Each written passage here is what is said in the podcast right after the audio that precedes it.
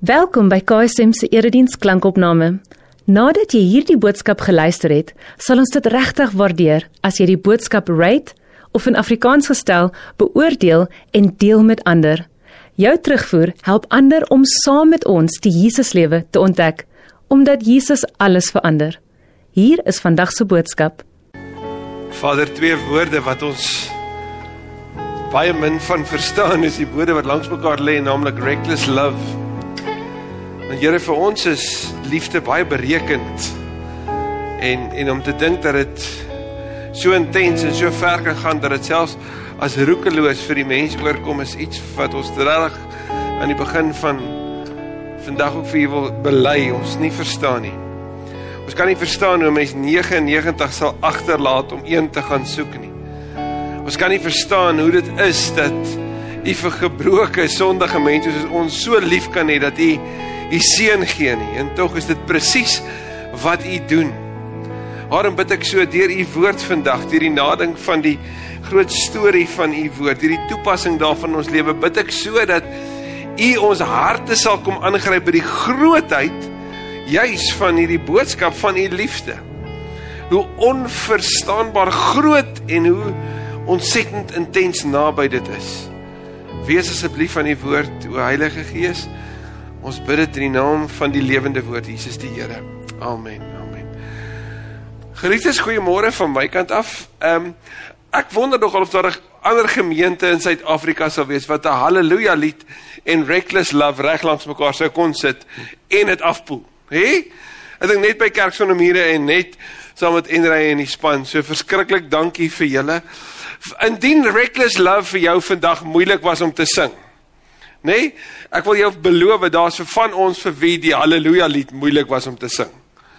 En dis dalk juis iets wat vertel van kerk sonder mure dat ons regtig mekaar wil ontmoet en saam by mekaar leer en saam by mekaar die die die die era waarin jy groot word of waar groot geword het wat jy beleef dat ons mekaar daarom wil ontmoet in gesprek ook. Dis ook hoe ons hierdie eredienste beplan ook. Is om te sê maar ons wil graag by verskillende generasies ook uitkom. So weet dit ook. En so terwyl ek praat van ons wat dit beplan, bid asseblief saam met die uitvoerende span vir hierdie week. Ons gaan TV môre tot donderdag op 'n werkbreek. Let wel, dis nie 'n wegbreek nie. Dis 'n werkbreek waar ons deur elke bediening gaan gaan baie baie intens, baie in detail om seker te maak elke bediening se se fokus is presies op dit wat ons as gemeenteraad en as gemeente by die Here gehoor het. Om seker te maak ons is met die regte goed besig en nie met oortollige goed nie, want mense kan ons baie besig raak, nê? Maar mense vir die doel tref. So dis wat ons in hierdie week wil gaan doen en bid asseblief daarom ook saam met ons hiervoor. So net rondom dit. Het jy ooit by 'n plek gekom in jou lewe waar jy net wou opgee? Waar jy net besluit hoor, is nou genoeg. Ek is nou so gefrustreerd, so moedeloos, so geïrriteerd met hierdie situasie dat weet jy wat? Ek's klaar. Ek gaan wegloop. Ek gaan net nie meer daaraan deelneem nie. Net nee, klaar glad nie. 'n Plek waarin die onreg wat jy beleef het vir jou en die onregverdigheid jou so geïrriteer het dat jy gesê het, "Dis verby." Gaan nie meer toe dat dit my emosies so omkrap nie in 'n geval ek het nie hierdie nodig nie. Miskien jy 'n bietjie meer konteks nodig. Jy dalk so gevoel oor 'n onlangse sportgebeurtenis waar jy en 'n skeieregter dalk so verskil het dat jy gevoel het hierdie onreg is net so te veel want dit wat daar gebeur word hier geblaas dit het niks met mekaar te doen nie of wat ook al dit mag wees. En dit het jou so gefrustreer dat jy sê weet jy wat ek gaan glad nie meer daai spesifieke sport van 15 man kyk nie. Ek bly nie nag wakker net om geïrriteerd te wees en ek weet nie hoekom doen ek dit anyway nie en dan boem ons al load shedding en dan is dit weg in elk geval. Nee. Of of kom ons bring dit 'n bietjie nader. Miskien was jy al in 'n werksituasie gewees waarin almal tel oral op die mure staan maar nie geleef word nie waarin reg en billikheid teenoor al ons werknemers iets is wat jy eers gehoor het toe jy aangestel is en dit was die laaste keer. Waarin jy dalk beleef hoor hier soveel onreg, hier soveel magsmisbruik, soveel manipulasie. Ek sien net nie meer kans nie. Ek loop, ek's klaar. Dalk 'n bietjie nader. Miskien het jy 'n vriendskap gehad. 'n Vriendskap waarin jy dit baie eensydig beleef het Jy moet gee en die ander persoon is soos 'n spons, ontvang net die hele tyd. As hy persoon se naam op jou foon verskyn dan sê ag nee. Want ek weet, hier kom dit alweer. Dan gaan er niks van my oor wees nie en dan moet ek genooi word na die koffieafspraak toe en ek moet daarvoor betaal. Hoe werk dit? Ek's klaar, ek loop. Of dalk nog 'n bietjie nader. Miskien het jy iets katastrofies beleef in 'n baie intieme liefdesverhouding. Jou hart gebreek en dit is net vir jou so teleurstellend dat jy sê die tyd het gekom om te gaan. Ek kan nie meer nie, ek gee op, dis verby. Hoe dan met die Here? Kom daar by hom so 'n plek? Is daar by hom 'n plek waar hy sê ek is nou klaar? Want as ons die storie lees en ons gaan uit Hosea 11 uit lees vir oggend. As ons die storie lees van God vanuit die woord, dan lyk dit vir my daar is 'n direkte antwoord daarvoor, maar die antwoord daarvoor voel vir ons dalk roekeloos. So kom ek vertel vir jou die storie agter die storie. Miskien ken jy dit, miskien het jy dit al gehoor eers of dalk het jy dit net vergeet. Dis 725 voor Christus. En daar's twee profete aan die woord. Die een se naam Amos, van Skaboer van Tekoa. Nou as jy die brief Amos of die boek Amos gaan lees as een van die 12 profete, dan is hy verskriklik hard op Israel wat wat weggevoer word, maar dan is daar 'n ander profeet in dieselfde tyd wat met dieselfde mense praat en sy naam is Hosea. En wanneer Hosea kom en hy praat dan het hy 25 jaar se preke wat hy lewer in die vorm van gedigte. Maar vir jou om my Hosea te verstaan moet ons 'n bietjie van die agterstorie of die Engels sou sê backstory verstaan. So vergun my net dat ek net dit bietjie met ons deel vanoggend. Wel Israel se storie, waar dit begin. Die storie van die uittog, nê, nee, die Exodus. En hulle word uit slawerny uit Egipte uit deur die see geneem en dan in Eksodus 20 verskyn hulle voor Sinaï as berg en terwyl Moses daar bo is, bou hulle al klaar weer vir hulle afgod, naamlik 'n kalf. Maar wanneer Moses afkom, dan het hy 10 gebooie. Nou die Hebreërs sou dit verstaan het, die die wat ons nou sou noem die Jode van daai tyd. Die Israeliete sou dit verstaan het as 'n ketubah. Nou die ketubah in Hebreëus verwys na 'n huwelikskontrak. En 'n kontrak sou sê, dis wat ek van jou verwag en dis wat jy moet lewer. Dis wat gebeur het by die sluiting van 'n huwelik. Voor dit sou daar 'n ketubah wees. Dis waar ons ooreenkom om dis wat ek gaan lewer en dis wat jy gaan lewer en dan kan ons in die huwelik verbind wees en ons verbind ons hier toe. Ons so God praat huwelikstaal al van vroeg af. En dan in Eksodus 40, 20 hoofstukke later, sien ons God het nie net 'n huwelikskontrak omgee nie, hy het onder hulle kom woon, kom tabernakel. En so wandel die Here saam met Israel in die woestyn 40 jaar. Hy voorsien vir hulle elke dag van manna en van kwartels en van water. Hy voorsien hulle elke dag van sy wil en gaan lees maar gerus die verhaal in Numeri. En dan uiteindelik kom Israel voor nog 'n waterskeiding twee keer waar Israel droog oor die droogvoets oor water loop of tussen water deur. Hierdie keer by die Jordaanrivier. En as jy dit kon onthou daar in Numeri, die ironie, daar word 12 verspieders uitgestuur om die beloofde land te verken. Nou die is belangrik om die beloofde land te verstaan want dit kom van Genesis 12 af. God het vir Abraham sê of jou land en nageslag gee. Maar hierdie land en nageslag het nie oor Abraham gegaan nie. Dit selfs nie oor Israel se verstaan van beloofde land gegaan nie. Dit het gegaan oor die belofte van die Messias sou gebore word in die land van die belofte op die plek van die belofte. En en wanneer die verspieders terugkom, dan sien ons dat demokrasie werk nie so terloops. Lyk vir demokrasie in die Bybelse tyd werk nie. Want wanneer die die die meerderheid sê ons gaan terug, ons is klaar. Dis daar's nie 'n manier nie, is daar twee ouetjies wat waagmoedig is om te sê die vrugte is so groot. Die geleenthede is so baie. Ons kan nie anders as om te gaan nie. En Joshua en Caleb verloor amper hulle lewe net omdat hulle waagmoedig gehoorsaam is oor hoorie ons kan gaan. Dan sê die Here by wyse van Moses se leiding ook vir hulle, julle moet gaan. En dan ken ons die storie. Hulle is droogvoets oor. Ons weet Joshua lei hulle. Ons sien Jericho val. En dan neem hulle hierdie beloofde land en hulle deel dit in 12 verskillende ruimtes en ken elke ruimte toe aan aan een van die stamme en natuurlik die stamme Jakob se kinders. Elkeen kry 'n kry 'n ruimte. En en hulle word ook so verdeel van noord na suid toe. En op 'n stadium en jy kan dit gelees daar in 1 Samuel, sê Israel, hoorie, maar ons wil ook 'n koning hê. Soos die ander lande. Soos die ander godsdienste as jy wil. En dis waar hulle moeilikheid begin om 'n mens as koning te vra. Want God was hulle koning. En hulle kies natuurlik vir Saul, skryf vir Saul, Saul word gesalf deur Samuel. En natuurlik daarna toe kom Dawid en ons ken Saul en Dawid se storie. En ons sien dat Dawid se storie is ook maar 'n morsige storie want een middag moes die koning by die oorlog gewees het, maar toe hy gelê en slaap en toe hy wakker word, moes hy nie op die dak gaan loop soos wat hy het nie. En Batseba en die tragedie met met haar man Uria en uiteindelik die sterwe van die babatjie, maar die Here se storie is nie klaar nie. Batseba word die ma van Salomo. God skryf sy storie ook deur die gemors van die besluite wat geneem is van daai tyd. Want God is die outeur. En die wysste man van almal word gebore nadat sy pa die stupidste besluit moontlik gemaak het. Hoe ironies is dit nie? En Salomo het die droom van sy pa om 'n tempel te bou vir die Here baie ernstig opgeneem en hy bou 'n tempel in Jerusalem ter aanbidding van die Here van die tabernakel wat tussen sy mense bestaan. Het geleef het. En hierdie hierdie tempel word jaarliks besoek, so word die wet geskryf om 'n offer te bring, daar word 'n pelgrimstog gegee. En soos dit maar eie is aan ons na Salomo se se wet se sterwe is daar ander koning wat aangestel word en eie aan ons is dit mos maar om te rebelleer, nê. Nee, 'n Vriend van my se oupa het gesê toe in Suid-Afrika aanland, watter regering is in beheer? OK, ek steun hulle. Want dis mos maar wat ons doen. Nê? Nee?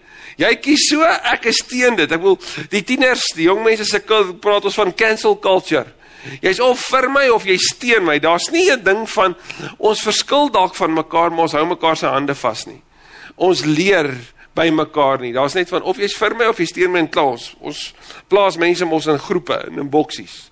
En die ironie is die wat in 'n boksie geplaas word, haat dit en dan doen hulle dit met ander. Hulle haat dit. So maak ons En dis wat gebeur toe Rehabiam koning is toe toe staar die rebel Jerobeam wat sê daar's nie 'n manier nie. En uiteindelik julle breek die 10 noordstamme weg van die die twee suidelike stamme.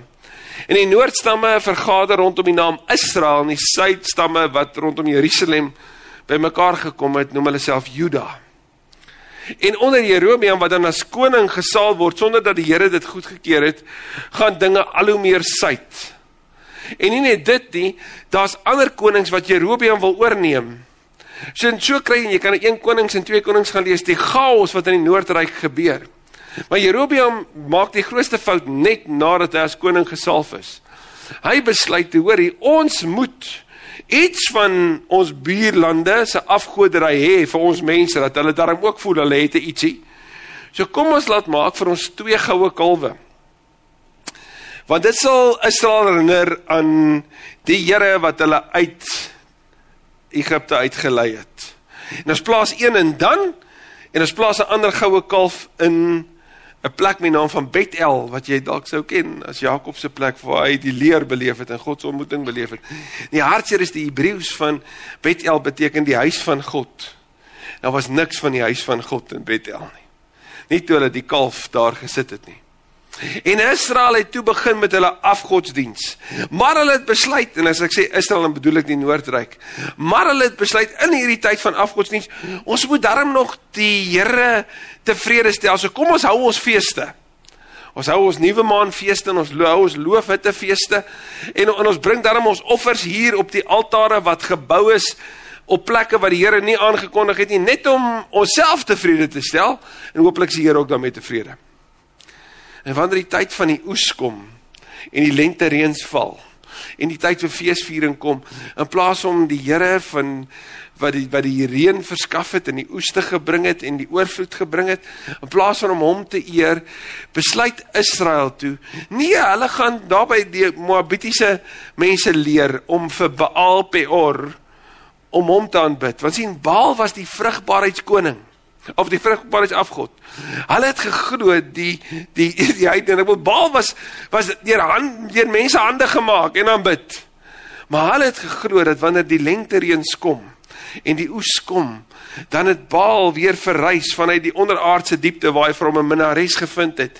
En nou word die fees gevier vir die nuwe lewe en as hy 'n minares gekry het, beteken dit natuurlik daar's bepaalde intimiteit. So daar was tempelprostitusie wat gekom het saam met die aanbidding van Baal en daar was afgodery en daar was drank en allerlei walglike partytjies wat daarmee saamgekom het. En Israel het gesê hierdie kan vir ons werk. So kom ons doen dit ook. Ons hou ons feeste as Israel, maar ons trek hierdie ander in want ons het ons afgode. En wanneer God praat, praat hy ten tye van 725 deur Amos, maar hy praat ook deur Hosea. En met Hosea praat die Here op 'n baie spesifieke manier, want hy praat deur sy lewe. As jy in die Bybelse tyd as 'n profeet geroep word, hardloop weg. Maar jy kan nie vra vir Jona. Die Here kry jouself in die pens van 'n vis as jy werk moet doen. Maar die Here sê vir Hosea, Hosea was omtrent so 16, 17 jaar oud. Hy is op daai stadium nie getroud nie. Hy het nog nie die kans gehad om 'n keuse te kon maak vir 'n bruid nie. Sy pa kon nie besluit op daai stadium nie voorreg gehad om te besluit watter familie kan ons mee bind nie. Nee, die Here besluit en die Here sê vir Hosea, gaan trou asseblief met Gomer, dogter van Dibalim. nou Dibalim beteken dubbele vye of andersins dubbele soetheid. En as jy na Gomer se lewe gaan kyk, dan lyk dit alsbehalwe soet. sien, Gomer het 'n paar kinders buite egtelik gehad en om vir hulle te sorg, het sy geld gemaak deur haar liggaam te gee.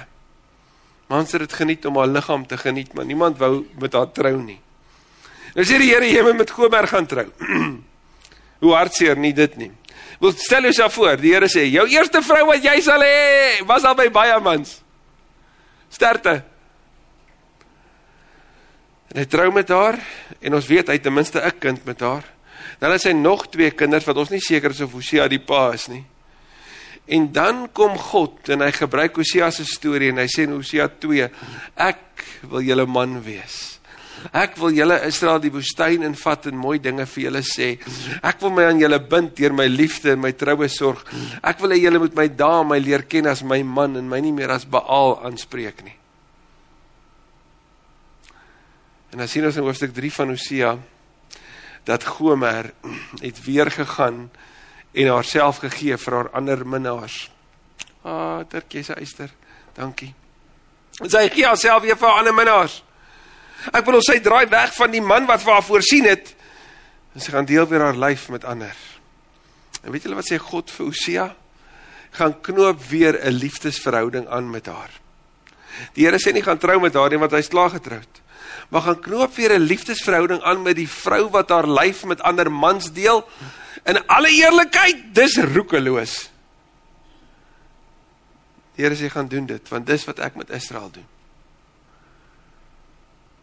En dan sien ons van hoofstuk 4 tot 10 hoe God met Israel die heeltyd praat oor dat hy hom aan hulle wil bind, maar hulle wil nie luister nie. Die een koning wat oorneem, gaan en gaan probeer met Assirië onderhandel vir voordele. Dan kom die ander koning met 'n staatsgreep neem oor en gaan bind hom aan Egipte en probeer voordele bereik. En so tussen Assirië en Egipte speel hulle hierdie speletjie. En Israel word die, hoe sê die Engelse, die laughing stock van die antieke wêreld. Almal lag vir hulle, sê vir hulle, wat 'n nonsens is hierdie? Hulle het bespotting gemaak met hulle. En die vraag uiteindelik is, wie sal so 'n land, so 'n volk wil hê as 'n bruid? As sy volk. Kom ons lees wat sê die Here daaroor in Hosea 11. Ek lees vir ons vanaf vers 1 toe Israel nog 'n kind was en hier praat die Here nie die taal van 'n bruidegom teenoor 'n bruid nie, maar die taal van 'n pa teenoor sy kind. Toe Israel nog 'n kind was, het ek hom al liefgehad. As jy in jou Bybel neerskryf, kan jy daar Johannes 3:16 langs aan neerskryf. Ek het hom my seun uit Egipte geroep. Maar toe die Baal hulle roep en Baals meervoud beteken daar was baie afgode in daai tyd het Israel my verlaat en vir die Baals gaan offer. Vir afgodsbeelde offers gebring. Ek bedoel beelde wat deur mense hande gemaak is. En vir my hulle maker het hulle verlaat. Ek self het Efraim leer loop. Ek het hulle op my arms gedra. Maar hulle wou nie erken dat dit ek is wat vir hulle sorg nie. Ek het hulle met sorg en liefde gelei. Ek was vir hulle soos iemand wat die juk oplig as die trekdier skaaf. Ek het na Efraim toe afgebuk en hom gereeld kos gegee. Want ek wou nie hê dat hy weer na Egipte toe moet teruggaan nie of dat Assirië oor hom moet heers nie. Egipte die simbool van slawerny, Assirië die land waarin hulle 'n paar jaar later 722 na toe weggevoer sou word.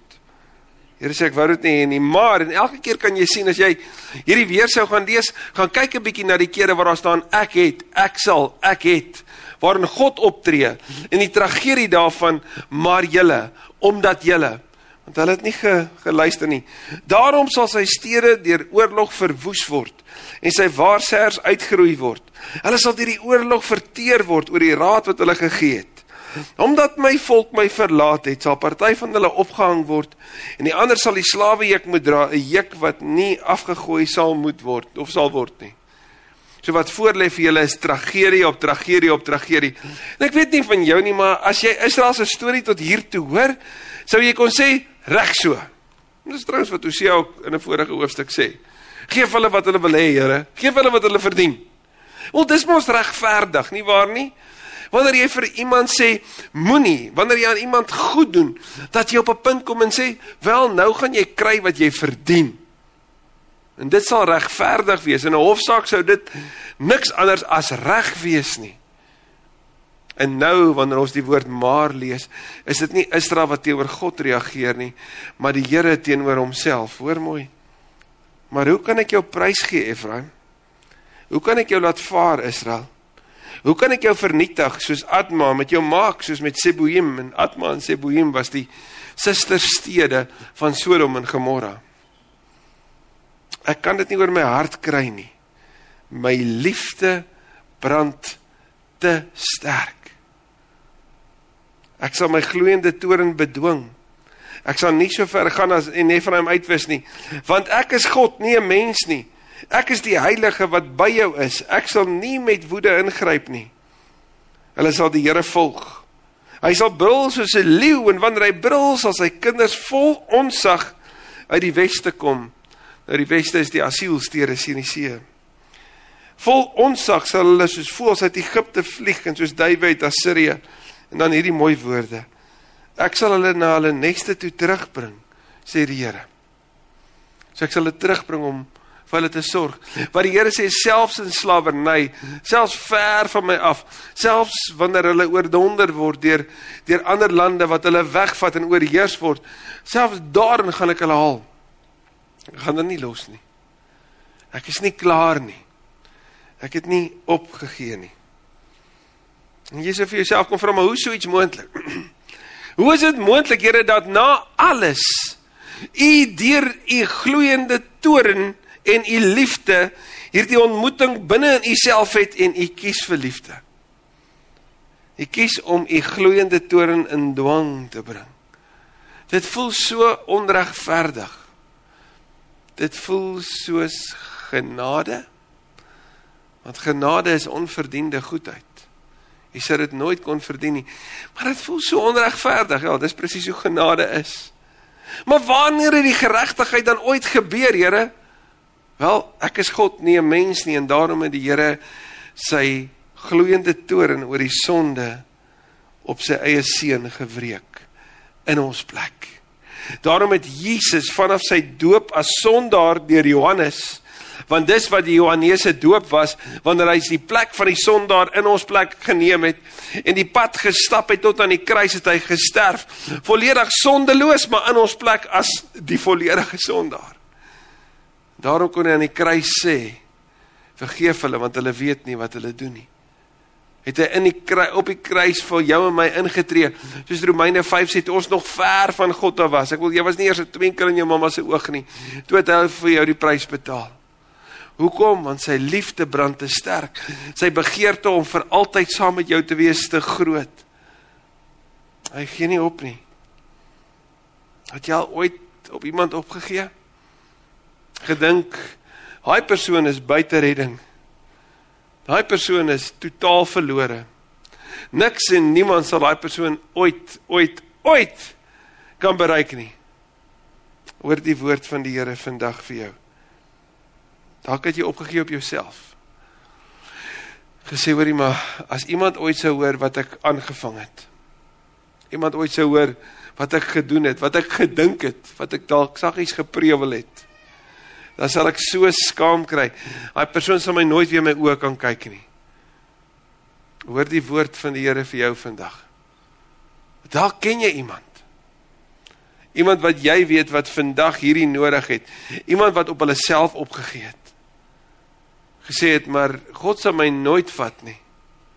Ek verdien niks nie. Dis waar, jy verdien niks nie. Maar in Christus kan jy alles kry. Alistair Begg praat van die storie van 'n man wat die hemel inkom en as ek hierdie al vertel het vergewe my. Ek weet die Bybelstudie groep het hierdie al gehoor.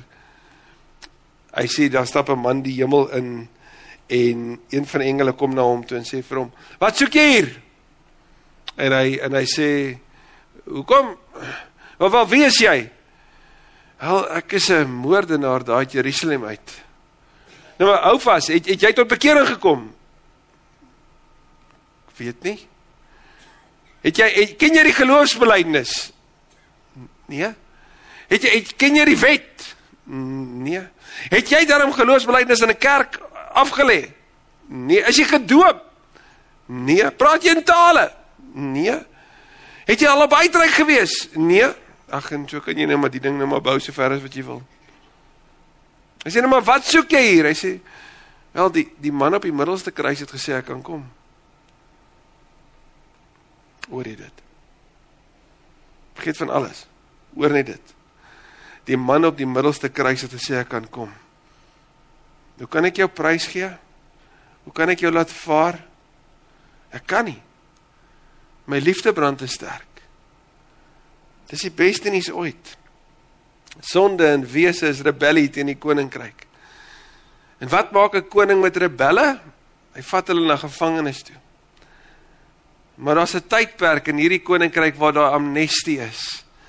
Waar daar kwytskelding is, waar die koning sê vir almal wat gerebelleer het, kom net, bely jou rebellie en daar's vir jou kwytskelding. Jy word nie vergeld nie. Maar daar kom 'n tyd, in Openbaring sê dit vir ons, waar hierdie koninkryk se deure gaan sluit. En waar hulle wat rebelle is wat buite bly, waar hulle in gevangenskap weggevoer sal word. Maar as vandag nog tyd. Vandag nog kans om te kan hoor by die beste beste nuus ooit. My liefde brand te sterk. Kom na my toe almal wat moeg en oorlaai is en ek sal vir julle rus gee. Hoor die woord van die Here vir jou. Amen. Vader, dankie dat ons vanuit u woord net vandag kon hoor dat u nie op ons opgee nie. Ey Here, ons het al op ander opgegee. Dalk op onsself al opgegee. Ek dink ek sal nooit verander nie. Wie kan my hiervan red soos Paulus sê daar in Romeine 7? Ons mag dalk voel dat soos die Psalm skrywer sê ek se wurm nie 'n mens nie, ek is so laag soos kan kom. Wie sal ooit afbuk na my toe? Ons mag dalk in vrees sê maar as as die Here my in die hande kry, is daar niks van my oor nie, want ek verdien niks. Ek is so so jammer en ek is so spyt. Dankie dat u woord vir ons vandag kom sê dat u regverdig en genadig is. Dat u geregtigheid aan die kruis die prys betaal het en dat die genade 'n geskenk aan ons is. Here ons ons hoor in hierdie gedeelte dat u lief is en as u brul dan luister almal En tog in Openbaring hoor ons dat die leeu uit Juda ook 'n lam is. Die lam wat na die slagplek toe gegaan het, daar in die stad van vrede om vrede te bewerkstellig. Here, alles gaan oor U. Net oor U. Want U is die vredevors wat vrede kom herstel het. Mag ons dit ook vandag ons eie maak. In Jesus se naam. Indien hierdie boodskap vir jou betekenisvol was, oorweeg dit om in te teken vir ons nuusbrief, waarin ons weekliks hulpbronne en opkomende gebeure by KSM deel, sodat ons saam die Jesuslewe kan ontdek. Besoek ksm.co.za en word deel.